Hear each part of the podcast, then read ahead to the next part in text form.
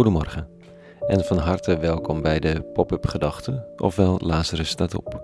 Ik ben Rico en ik schrijf overwegingen om de dag mee te beginnen.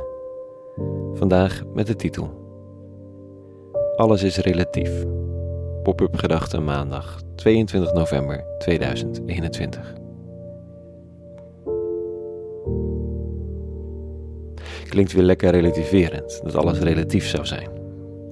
Postmodern ook. Geen absolute uitgangspunten, geen stevige fundamenten, niks. Misschien zou je voor degene die zo'n alles is relatief uitspraak irritant vinden, ook kunnen zeggen alles is relatie. Want dat is ongeveer hetzelfde.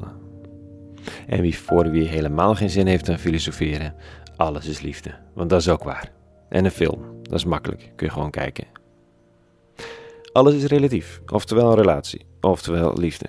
Is wel ongeveer waar het over gaat vandaag. Je kunt de ander pas op waarde schatten als er sprake is van relatie. En een belangrijk uitgangspunt van bijvoorbeeld onze ideeën over mensenrechten is de gedachte dat God alle mensen heeft gemaakt en lief heeft. Zie, alles is liefde. Daarom heeft elk mens dat bestaat basisrechten. Dat is absoluut, maar puur omdat het relatie is. Liefde. Vanochtend kom ik dit stukje tegen in de lezingen van de dag. In die tijd gebeurde het dat Jezus opkeek en zag hoe de rijken hun gaven in de offerkist wierpen. Maar hij zag ook een behoeftige weduwe die er twee penningen in wierp. En hij sprak, waarlijk ik zeg u, die arme weduwe heeft er het meest van allen in geworpen. Die mensen hebben al iets van een overvloed bij de gaven voor God geworpen, maar zij offerde van haar armoe alles waar ze van leven moest. Nou is Jezus wel vaker vrij duidelijk over zijn voorkeur richting armen in plaats van rijken.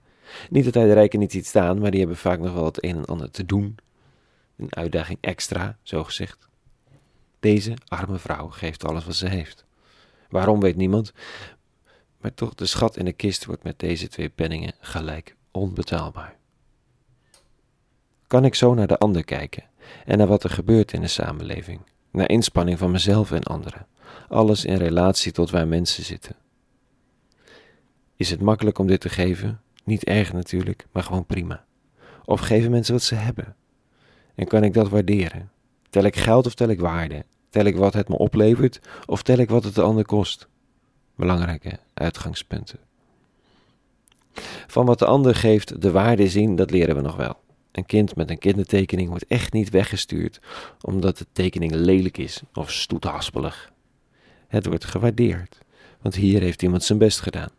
Of niet eens, maar wel iets gemaakt. Alles is dan liefde. Prima. Maar voor mezelf? Kan ik mezelf waarderen naar dat wat ik te bieden heb? Kan ik überhaupt zien wat ik te bieden heb in relatie tot mezelf? Of zie ik wat ik te geven heb steeds in relatie tot wat een ander geeft? Kan ik mezelf gunnen dat ik vandaag even niet zoveel in te brengen heb? Misschien morgen weer. En dat me niet gevraagd wordt om de wereld te veranderen, of impact te maken, of een unieke bijdrage te leveren die nooit meer vergeten wordt, maar gewoon mezelf te geven. Dat is namelijk heel veel jezelf. Kan ik dat wat ik bij de ander automatisch doe, ook richting mezelf proberen? Mezelf in relatie zien. Dat wat ik te brengen heb in relatie tot waar ik ben in het leven. En mezelf behandelen als iemand die geliefd is door de eeuwige. Niet om wat ik doe, maar gewoon omdat ik besta. Uitdagingen dus. Voor de ene een uitdaging om de bijdrage van de ander op waarde te schatten. Voor vele anderen om de bijdrage van jezelf op waarde te schatten. En dankbaarheid te vinden en geloof dat hoeveelheid, impact, vergelijking allemaal niet zo relevant is. Dat alles relatief is, gerelateerd aan de liefde. Ook die van die ander voor jou. Tot zover vanochtend. Een hele goede maandag gewenst.